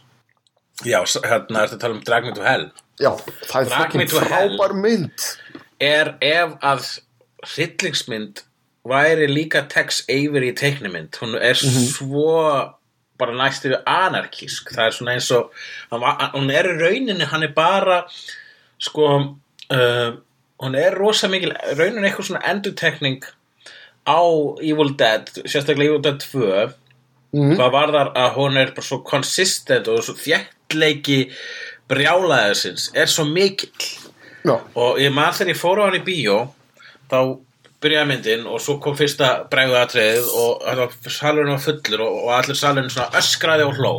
Og ég var bara svona verandi hérna uh, cynical bastard eins og ég er stundum. Þegar ég uh, liggur ekki vel á mér þá var ég bara svona "Ah, allir þetta verið svona salur svona salur sem er að öskra og hlæja. Ég er reyna að njóta myndir en ég mjö, mjö, mjö, mjö, en síðan sko eftir alveg nokkuð bregða til viðbútt þá fattaði ég bara, oh, fucking hell þessi mynd er gerð fyrir svona sal. Þessi mynd er rússibanni fólk á að öskra og hlæja. Já, og um leið og ég fattaði það þá var það einn skemmtilegasta bíó upplifun lengi að, hei, að, hei, að vera með í þessu mannhafi sem að hoppaði úr sætunum sínum þegar þú veist þegar bregðu atriðin komu og síðan komu líka, líka grós át atriðin þegar líki dettur hann á stelpuna og Já. kumpar upp í hana reynda bara lík. allt atriðið í bílageimslinu með gömlu kettlingunni oh, er bara unun frá upphæðu til enda Hún er á topp 10 listanum yfir hérna, bestu hryllingsmyndir 21. aldarinnar samkvæmt internetinu. Mm. Setti, setti ykkur saman enna á internetinu uh, bestu hryllingsmyndir uh, 21. aldarinnar og, og bara let, og bæði fólk hlóti kjósa held ég og síðan bara tók hann sama bara lista hérna þaðan af öllum síðum sem að fann. Mhm. Og á þessu lista var bæði Shaun of the Dead og Drag Me to Hell sem eru svo sannlega grínmyndir þetta er sko, mér finnst það reyndar áhverjum til mitt í setjum tíð að þeir sem að kveikmyndagjörðamenn sem að ólust upp við mitt Vaffa S-bildinguna og horfa ótrúlega mikið af svona videonastís eru svo meðvitaður um formið að þeir gera það að svolítlu atriði í að gera þetta gaman efni það er einmitt sko, það er einmitt bara aðalatrið í myndinni sem er efst á þessum uh, top 10 lista sem er Cabin in the Woods Já. þannig að það eru rauninni hérna þrjár grín hryllismyndir á þessu lista Drag Me to Hell, Shaun of the Dead og Cabin in the Woods og og núna þegar við erum basically búin að vera með þetta slott í að bara telja upp myndir og áður en við förum í aðeins frekari umræðu þá verður ég að vera með nokkur honor, honorary mention. Fido frá árinu 2006 þar sem að uppáhaldsgrínisti minn uh, Billy Connolly leikur zombíu mm. Og ég held að það sé ekki það er ekkit, maður leikur ekkit zombies í svona, ég held að þú þurfir að vera actually góðu leikari, ég prófaði að gera þetta stundum með vinum mínum, og maður er að labba út á götu og ég prófaði að leika zombiur það er, þú þarft sko að fjarlæga alla hugsun úr hausnum og vera þeir bara, eru með, þeir eru með zombie bootcamp í, hérna, í Walking Dead. Þegar að þú kemur sem ekstra já ok. það fyrir zombie skóla vegna þess að það er, þú þarft að haga þér ákveðin hátt. Billy Connolly allavega hann á þetta hlutverk þannig mm Critters eru náttúrulega uh, uh, grínmyndir mjög skemmtilegar og það er alveg skemmtilegar hvað dýrin eru krútuleg sko. Ef ég geti ráðið hvort ég mætti eiga Gremlins bangsa eða Critters bangsa all the way sko. Það er ókissla flott. Please, nennir ykkur að gefa mér það ég amali skip ég amali næsta mánuði. Feast. Feast er mynd frá 2006 sem er framleitt af uh, Matt Damon og Ben Affleck og Wes Craven sem er mynd sem að þegar Matt Damon og Ben Affleck voru með Matt Damon. Þegar þeir voru með hérna, uh, þátt sem heit Greenlight ef maður rétt. Já, já, Project Green- Greenlight. Já, Project Greenlight, raunverulega þáttur þar sem þeir framleiða mynd. Mm og leifa ykkur svona ungum og óreindum að gera bíómynd undir framlýslu þeirra og, uh, og gaman. Fyrsta, fyrsta þátturinn voru þeirra framlega eitthvað svona eitthvað Brooklyn drama, eitthvað, eitthvað, eitthvað mjög boring dæmi sem ég mun aldrei sjá en í annari þátturinn þá framleitu þessa mynd sem að heitir Feast sem er eftir mm. einhvern gaur sem að var með hugmynd um það að láta skrýmsli umkringja bar út í eðimörkinni og svo hefst bara slátruninn en um leið að brjóta meðvitað allar reglur hryllingsmynduna sem Já. til dæmis það látaði barnið vera eitt af því sem hefur getið fyrst sem að náttúrulega gerist ekki og svo, enn og aftur það er þessi meðvitundum reglur hryllingsinn sem að já, virðist vera helsta helsta go-to vopnið í vopnabúri horror comedy Svo mynd er alveg stórkostlega, ég horfði á hana nokkru sinnum síðan sko fekk sá maður að gera Feast nr. 2 sem að var ekki framleita Matt Damon og Ben Affleck Feast nr. 2 sökkar já, hún er ógislega leðileg og hún er með gengur miklu lengra í því að brjóta þessar reglur og þú ert bara áður en myndin, áður en myndin er sko fjórðungur hennar í búin þá ertu bara svona já, við, við föttum það, þú sagði hennar brandara í fyrirmyndinni, þú, þú ert að segja sama brandaran aftur. Og hér er leikilatriði í því sem lætur bæði hrylling og grín virka og þess vegna er þetta svolítið match made in heaven en er raunin match made in hell vegna þess að það sem er grín á sæmaðilegt með hryllingi að það úldnar hratt. Það er uh, síðasti söludagurinn á gríni er, um, hann, uh, það er stutt í hann vegna þess að þú heyri brandara einu sinni þá er hann finn, ófinnari næstur og heyrir hann. Það þarf að vera mjög góð brandari til að þú getur hlustað á hann oft. Sömulegis hryllingur. Gamlar hryllingsmyndir margar hverjar eru bara eins og barnamyndir í dag uh, þannig að maður hefði haldið að ef ykkur myndi blanda saman grín og hryllingi þá verður að búa til eitthvað sem að úldnar um bara, sem að verður óætt hraðar heldur en franska kartöflur Samt eh, ekki. Samt að það það ekki, sko. Þetta er svolítið góð hryllingsmyndir eins og fransku kartaflunar á snaps. Góðar, ég jafnvel þáttu þegar það eru kaldar. Já, eins og ég segi, vegna þess að við skoðum aftur þetta Snaps, please, sponsor hann og þátt. En ég, nei, eins og ég segi, með reglurnar að þetta er kannski eitthvað bundi í tíma hryllingu var eitt sem þetta og um leið og þú getur gert komedi úr þessum hryllingi og bent á fáranleika reglunana þá ertu komin á eitthvað áhuga slóðir. Nýjasta dæmið er til dæmis What We Do in the Shadows. Hún er sem er mjög faithful gagvart, þú veist, vampýrureglunum ákveðin hátt. Já, en setur þær í svona hverstaslegra og jarðbundina samhengi. Já, mockumentary í dæmið. Já, sem gerir þetta að stakli snild sko. Þannig já, já. comedy horror þetta, þetta er þetta er það er undir ein útgáfa þessu það eru hryllingsmyndirnar sem að verða comedy hryllingsmyndir sem átt ekki að vera comedy hryllingsmyndir. Það Troll 2 til dæmis. Já, en síðan er, þú veist, ég er kannski eiginlega frekar að vísi til dæmis hvernig Child's Play verður síðan á Chucky-seríunni og það er eiginlega allt saman byggt á persónuleika Brad Dourif og hversu glífúlan er sem anstíkilega djöfladokkan Chucky í Það fyrstu hefur- Child's Play myndinni. En ég held að Child's Play 1 hafi ekkert verið að taka sig eitthvað súper alvarlega, ég meina þegar þeir eru ákveða að láta vondakallin vera dúkku þá hefur, hefur, alltaf verið eitthvað tongue in cheek element í gangi. Já, en hún er samt meira skeri heldur en setni myndina verða Setni veit, myndina breytast meira í splatter frekar en einmitt svona horror tension stemningu sko mér finnst 1 og 2 æðislegar, mér finnst 2 eiginlega bara, ég, hún á sérstakar stað í hjarta mér vegna þess að ég fór á hana í bíó þegar ég mátti ekki fara á hana í bíó og ég var svona svolítið hrættur þess að ég hafði aldrei farið á svona mikla hryllingsmynd í bíó það það. er alveg ógislega hlutir gerðir við fólk þarna sko. Mm. en þú horfur á hann í dag þá er hún einmitt, veist, hún er frekar blóðlaus með þann hrylling sem maður hefur séð á setni árum þannig að það nú bara uh, ég fannst síðan þrjú ekkert spes, þrjú var reyndar mjög umdeld vegna þess að hún var svolítið hérna blóraböggullin í hræðilegu máli sem áttur sér stað í Breitlandi á sínum tíma þegar tveir, uh, einhverju 12 ára krakkar drápu, 4 ára krakka eitthvað áleika, eitthvað svona svipað mál. Og það hafi komið í ljós að 12 ára krakkarnir hefði fengið, þeir voru kannski örgulega yngri það en þessi, þessi morðingjaböld hefði fengið hérna, eða barnamorðingjar nei, hvort virkar. Ok, þessi, drengir sem frömdu þannig hræðilega verkna þeir Það meina vist, James Bulger málið. Já, þeir hefði vist fengið að, þeir, þeir hefði hort á Child's Play 3 komið ljós sem kom síðan stefni ljós að það hefði ekki einu sinni gert. En þá var það þá var Child's Play 3 heldur mér þess að bönnuð í Breitlandi vegna þess að svo mynd lætur börn drepa. Sem við kæftaði Mm. uh, og uh, já, en I digress. Ég sá síðan að síðan kom þetta myndin Chucky þar sem að hérna, hún uh, uh, hvað heitir hún, Jennifer Tilly vekur hann til lífsins og hún breytist líka í dúkku. Mm. þá byrjaði þetta að vera svona svolítið mikið bara grín, sérstaklega kemur þetta kynlífsatrið með dúkkunum. Uh, og svo kemur Seed of Chucky sem ég sá aldrei. Það, þá far maður þetta, hérna, óheilagan ávöxtin úr, úr því sambandi á skjáin, það er að segja Batniðas Chucky og, og, og, og, Jennifer Tilly. Mm. en mér skilst þessi nýjasta Chucky mynd sem ég hef heldur ekki séð að hún sé svolítið góð. Já, ég hún hefur fengið ágætið stóma ég hef bara ekki séð hana. Mér langar að tjekka henni. Sko, já, tjekkum á Chucky. Eitt reyndar annað Chickity chuck. uh, Chickity Sko, Chucky ég held að, ég held að bara svona með sterkustu upplifunum sem krakki var þegar ég fór í leik og svo litlu hryllingsbúðina. Já, sem er, sem er comedy horror. Já, myndin sjálf er comedy horror.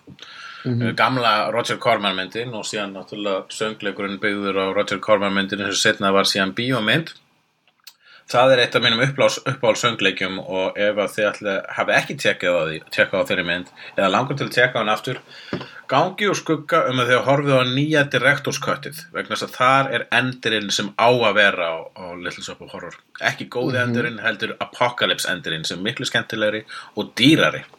Já, Já,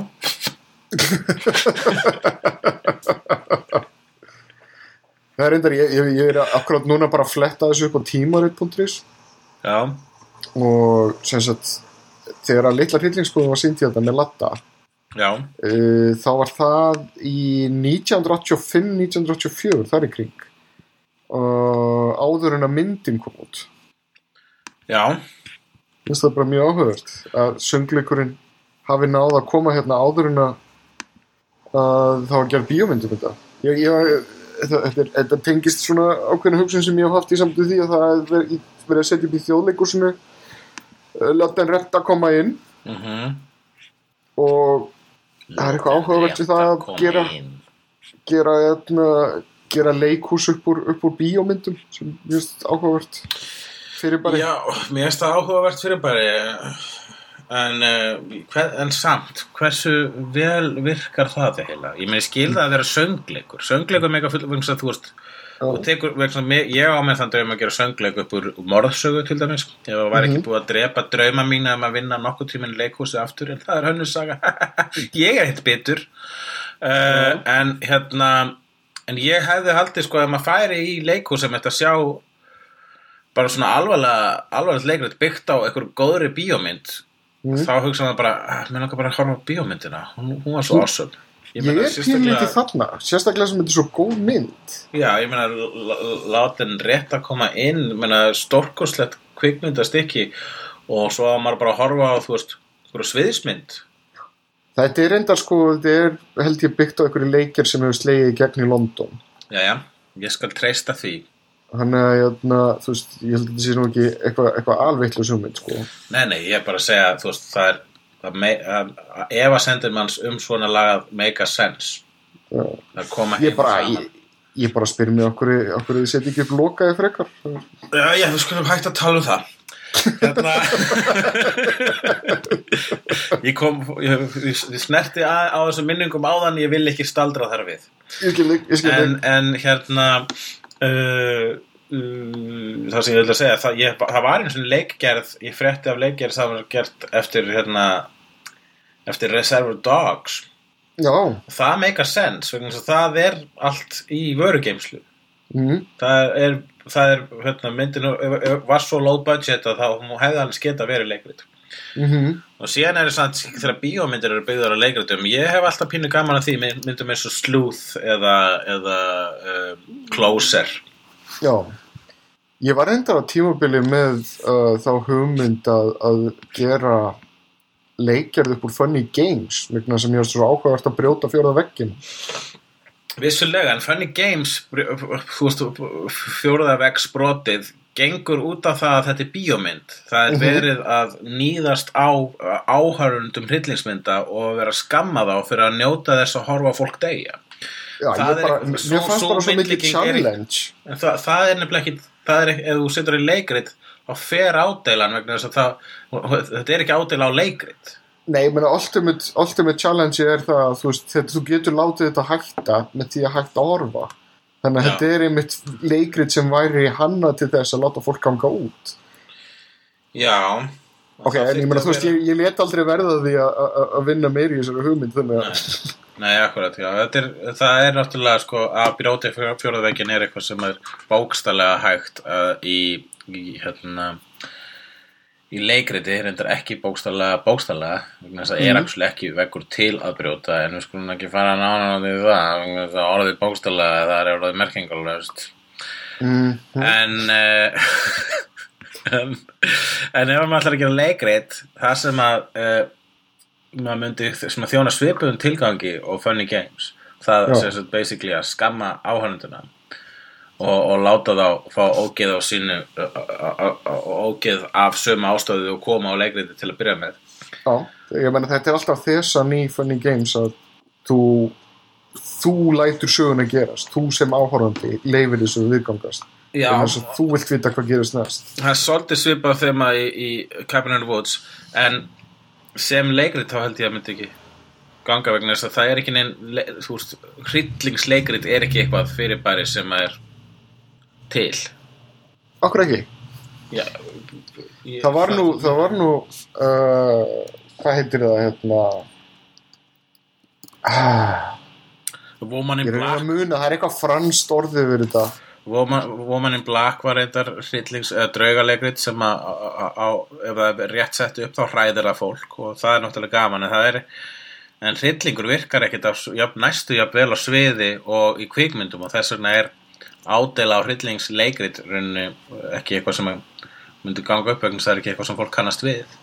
Já, en hvað hvað heitir það, eitthvað gálgaleikus eða eitthvað svona göldubla eða ég reyna að muna hvað þetta heitir. Það var svona hryllingsleikus til dæmis í gangi í London og í Fraklandi Þe- þetta byrtist þarna ó, það er svo ógeðslega óþólandi þegar maður man ekki heitið á okkur Nei, en þá erum við samt komið út fyrir efni við vorum að tala um grín hryllismyndir mm. og uh, hvað er ef að fara í best og vest í lókin Já, herðu, heitið þetta Grand Guignol Já, sem var leikhús í París og það sérhæði sig í einhverju svona, svona horrordæmi. Já, skil. Svona grafískum horror Já, ég, var- ég hef séð splattur á sviði, það er alltaf gaman það var Já. líka mjög fyndið, sko, það var í, í, í rauninni grín hryllingsverki sem ég man ekki hvað heitir, það var í borgarlúksu en þetta, þetta leikhús var stofnað ní- 1894 eða eitthvað svoleiðis. Já, já, ég heyrt um svona Opnað- að ní- fyrirbæri. fyrir, 1897 Já, og var einmitt svona alvöru horror með blóð út um allt að segja hvernig hryllingsleikrit gæti, hvaða bí hryllingsleikrit byggð á hvaða mynd gæti gengið upp Hvað? það var Wizard of Gore eftir Herschel G. Lewis ég heit hann það ekki, Herschel G. Lewis, hann er Gore-kongurinn Mm. Eh, það er leikrit eða bíómynd um sko svona mann sem að uh, er svona galdarkall upp á sviði sagar konur í tvent svona nema að ha- hann fær svona sem sé sjálfbæðlega upp á svið og uh, og segir uh, uh, bara uh, setur konu á borð og setur hann í kassa og síðan sagar hann Herschel Gordon Lewis heitir hann leiksturinn sem er gerir fullt af svona gormyndum. Uh, og hann saga konun í tvent og svo gengur hún bara sviðinu bara haha, hvílík blekking. Svo lappar hún heim og svo bara dettur hún í tvent á leiðinu heim ok. Og, og þetta er sko gegnum gangandi þetta alla sögurþráðir í þessari mynd. Maður sé bara svona hvert svona, svona gór atriðið á fætur og öðru og þáka til að uh, hann er stöðvaður mm. ef ég mann rétt. En uh, hérna það var hægt að setja það upp á svið með því að láta sko áhörunduna sem að, að sjálfbóðulegina vera raunin leikara. Ok, og svo fara þeir upp á svið og láta saga sig í tvett svo setjast þeir aftur í sætin og svo allt í henni svona okkur mínútur setna þá bara öskrar eitthvað og þá er bara svona blóðugt sæti með fullt af inniblum og konan er bara dottin í tvent þarna það er ruglægt að gera það eitthvað neginn í leikúsi það var eitthvað. Það var eitthvað. svona, svona, það var svona smá svona þátt eitthvað fjó, fjóraða vex eitthvað blí bla blú láttu það Eh, gerast. já. Erum við að taka best og vest núna? já, Best og vest. ok, best og vest comedy horror. Já. Ég, að, að segja vest þá Ok. er hérna mm, sko það er ein sem að lendir rosa oft á svona listum yfir uh, hérna um, yfir svona horror comedies. Og það er Killer Clowns from Outer Space. Ok, og ég byrjaði ekkert um að horfa á þessa mynd og mér finnst hún ógeðslega boring og ófindin og ekkert skeri en samt með alveg klikkaslega flotta kápu þannig að hún hefur nú eitthvað plús á Já, það er flott skrýmslin í þessu sko, flott svona make-up uh, góður effektar þannig séð. Uh, og titillin Killer Clowns from Outer Space er frábær titill. Mm. og ég man þegar maður var lítill og ekki orðin 16 ára það langaði maður svo mikið til að leiða sér mynd og svona hljómaði eins og fullkomna mynd. Já, en hún er dead fucking boring það má vel vera að fólk sé ósamanum mér þarna en síðast þegar ég horfði á hana þá ég kláraði hann ekki eins og mér fannst hann svo boring ok en ég held samt ef ég ætti að segja mynd sem á meira en bara sko, en effortið hún fær samt sko stig fyrir effort og að, að actually vera til mm. það er, uh, ef maður ætti að fara í versta uh, oh, hérna grín hryllingin, þá er það ekki ein mynd, heldur heil seria sem heitir Scary Movie. Yep. Mm. Ég te- meira þess að þeirra svoleiðis myndir þeirra þessar myndir, Scary Movie og uh, Meet the Spartans og Epic Movie og Date Movie og þessar ógislu draslmyndir. Þegar þær lenda á listum yfir verstu myndir allra tíma ég tek þær ekki eins og með. Mér finnst þær ekki vera bíómyndir þessar myndir. Ég, það er eitt reyndar. Ég var nefnilega sjálfur að gæla við þá hugmynd að bara nefna nýjustu Scary Movie myndina mm eða Scary Movie seríuna í helsinni -hmm. En ef ég á að vera fullkomlega heiðalegur þá er ég bara mér þykir og vænt um önnu faris til þess að til þess að fara þangað. Mér þykir líka rosalega vænt um önnu Faris þá van nýttu gaman leikonu sem er svo frábær að uh, við verðum enn eina ferðina að mæla með að fólk sjáu Just Friends bara út af henni. Og ef við sjá hana uh, uh, eiga uh, leiksigur í uh, síðri en uh, síðri en þó mjög klikkari mynd þá tjekka ég á mynd sem heitir ef mann rétt Smiley Face. Þar sem hún leikur stelpu sem að borðar óvart heila skál af uh, gras eða haskökum og er síðan svona brjálæðislega friðin út alla myndina and hilarity ensues. En Anna Faris og margir og aðrir bara fínir leikarar hafa leikið í þessum scary movie myndum en það bjargar þeim ekki frá neinu. Þær eru drasl, mér finnst þess að myndir nánast vera eitthvað svona skattasvindl sko. Það er bara, það er bara gerðar til þess að lokka inn fólk og selja með það en metnaðurinn sko, það, er, það er svo mikið mínus artistik metnaður í þessum myndum að ég telar einfallega ekki upp sem kvikmyndir.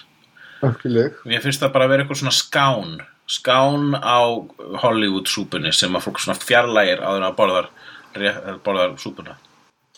Já um, Já samt, samt sko í mér minnir að fyrsta Scary Movie hafi ekki verið allslæm uh, þetta fór hraðversnandi en, en, en ég held að það hafi verið bara alveg ágætt fjör í bíó. Og þannig erum við þá, þá óljósa minningu. Varst ekki bara, okkur ókslega góðu deiti þegar þú fórst á þessu það gæti hugsast Já. En hérna, uh, ég fór að hugsa um aðra mynd og það er hérna Soren Postal. Já, er það hillings? Það er ekki hryllingsendar en Uwe Boll er ó, hérna, Ógrundur Uh, konungur draslsins já, það, Blood Rain, House of the Dead, Alone in the Dark, Þetta er allt byggt á tölvuleiki með það ekki? Jú. Vissur það að hann framliti fíasko?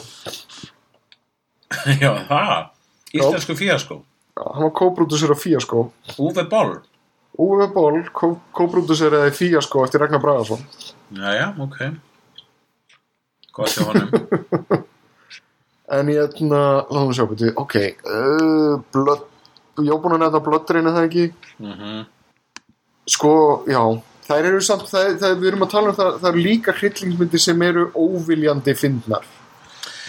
Jú, en ég meina það er bara það er allt annað flokkur út af fyrir sig það er, það er svo óviljandi þú veist, so bad it's good myndir sko. það er, það er bara það- annað sem annað, annur öll að verkum sem að gera þær myndir áhorfanlegar já, Meðan Og það á svo Tró- til. Trón 2, þá er maður bara hvernig var þetta, hvernig gerðist þetta en það vill nefnilega svo til að, hérna, að einmitt, jafnvel þegar að horror gamanmyndir eru slæmar, þá verða þær skemmtilega slæmar. Já, já, en hvað hva ertu það að tala um? Ég, bara, ég, ég er svolítið lost með það að finna mynd sem að ég geti sagt með fullri reynskilni þetta er mjög, mjög slæm mynd. Leprechaun Ó, Leprechaun Hvað, hattar, Leprechaun? In the Hood, já, vegna þess að hún var líka leiðinleg Já, horfður á hana? Já, Mm. Ok, og það er mynd sem að hefði átt að vera miklu, miklu skemmtilega en hún var. Ég meina en samt voru ekki svona 20 warning signs um að það væri slæm mynd en samt horfður á hana. Já, einhver verður að horfa á þetta. Ég er nú nákvæmlega og það er þú. Það er alltaf þú sem horfir á þessar myndir. Og líka Jep. sjóast þetta Ertu er það að horfa á uh, Under the Dome bæði vei? Nei, nei, nei, ég, ég, ég gast upp á því. Það var bara aðeins og verið Ertu hate watch eitthvað annað? Ekki bíli, nei, ég hef ekki haft tíma til þess að hate-watcha Ég er aftur mútið búin að horfa á Narcos, það er frábært. Já, maður er að tjekka því. Sko, uh, síðan þegar maður er að velja bestu ha, grín hryllingsmyndir allar tíma, eða bestu grín hryllingsmynd eða uppáhalds þá vandast málið vegna að það eru margar. Við erum búin að telja þær upp og þú veist, Já, Cabin in the Woods. Þú segir Cabin in the Woods. Já, já hún einhvern veginn nær að sameina allar hryllingsmyndirnar í einni. Og Ég, gerir það með svo miklum bravúr að það er ekki fyndið. Ég myndi einmitt segja Cabin, in the Woods er reynda fyndið. Ég ég segi hún líka en fyrst að þú saðir hún saðir hana Mhm. þá ætla ég frekar að segja eitthvað aðra. Bara svo við höfum að, svo við höfum eitthvað svona. Já, smá fjölbreytni. Þá er, er mjög freistandi að segja Shaun of the Dead. Hún er mm. Hún- mér, mér, það, mér fannst það bara að vera besta mynd uh, þú veist, sem kom út á því ári. Við gætum tæknilega sér gert í þarna heilan þátt sem að væri bestu, 20 bestu comedy horror myndir allra tíma. Já, og við myndum samt þurfa að fórna nokkrum, nokkrum feitum vitum. Já ef að það uh, ég myndi segja Fido ég myndi segja Night of the Creeps ég myndi segja Slither og Tremors uh, ég myndi segja uh, já, Critter, náttúrulega- Zombieland Army of. Darkness, Evil Dead 2 Bad Taste Tucker and. Dale vs. Evil by the way fannst mér mjög vannmyndin mynd Mér hún er mjög góð hún bara eina leðilega við hana hún gera það sem, að- sem að margar grínmyndir gera Mm. Þegar það er sko eitthvað spennu element í grínmyndum þá, verða, þá er alltaf sko bara svona myndin er kryttuð af góðum brendurum en Mm. sa sagan er alltaf eitthvað svona spennusaga sem að er alltaf on hold þangað til að í, þegar kemur að third act þá neyðast þið til að slaufa því upp og þá kemur alltaf eitthvað svona spennuatriði sem er alltaf boring, þetta gerist í Ted myndinni mann ég, Ted myndin var bara fulla góðum brendurum svo lokum þá stelur ykkur Ted og, og Mark Wahlberg þar bjargónum og þá kemur bara eitthvað svona eldingarleikur sem er ekkert skil og það sama gerist í Tucker and Dale að svo mynd var bara svona ha ha ha allan, allan tíman og svo allt inn í lokin þá kemur eitthvað svona ó nú tekur alvaran við, ég þarf að bjarga henni. Og þá kemur bara svona boring spennuatriði. Þetta er eitthvað sem að fólk þarf að hafa í huga þegar ég gerir grín hryllingsmyndir að, missa ekki jafnvægið. Mm. en uh, Það ég fannst bara svo krútli, Tucker and Dale já, og líka þe- gaman að sjá hann Alan Tudyk í einhverju, einhverju, hlusu þetta er stórkosli mynd. Ég mæli Mhm. endrið að meina hún situr ennþá að minni í eftir ég hillu. No. Vissu það að leikstjórin er sonur hennar Sally Field? Nei. I did not realize um, uh, I did not realize that. Eli Craig. Um, Ég ætla að segja uh, Þú sagðir the Woods Ég ætla að segja Ég ætla að segja Dead Alive aka Brain Dead sem að verður næsta hefnundabíó hjá hefnundum í upphafi oktober á þriðudegi við veitum man ekki nákvæmlega hvað dagsignanga er en þið munu sjá það auðlist á Facebook.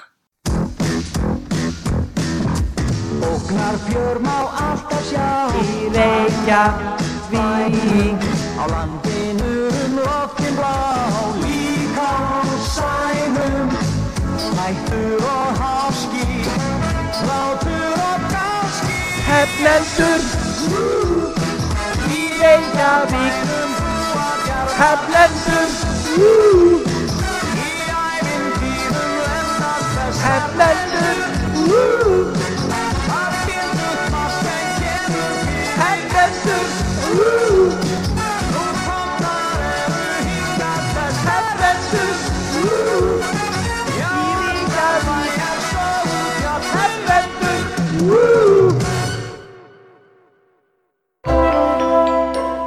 fleiri skemmtilega alvarpstætti á nútímin.is.